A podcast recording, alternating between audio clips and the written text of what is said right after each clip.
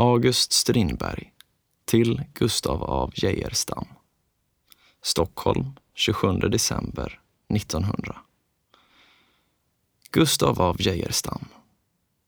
För att undvika en brytning, vilken ändock måste sluta med en tidsödande försoning, skriver jag detta brev. Du har väl märkt, du som jag, att då våra heterogena idésfärer inträda i repulsion, vi fjärmas från varandra, kortare eller längre tid, men att vi slutligen råkas igen, mot vår vilja, så som om det vore förutbestämt vi skulle öva inflytande på varandras öden till ömsesidigt gagn.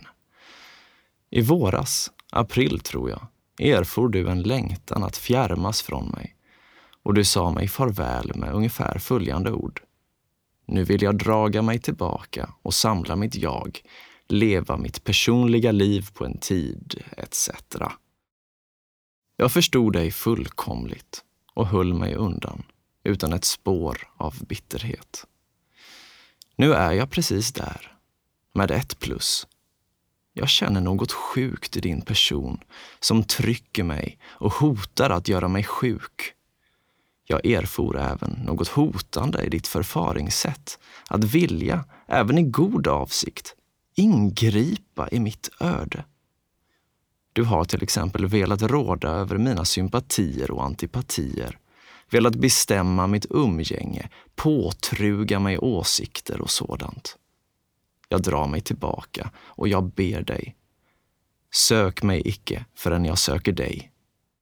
Jag riskerar att du så icke tar emot mig. Väl, så får jag tåla det.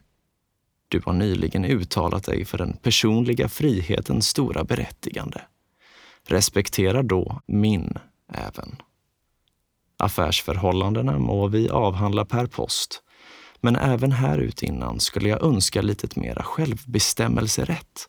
Sålunda misshagade mig din självrådighet vid illustrerandet av sömngångarnätter där främmande personer tillspordes, men ej jag, författaren.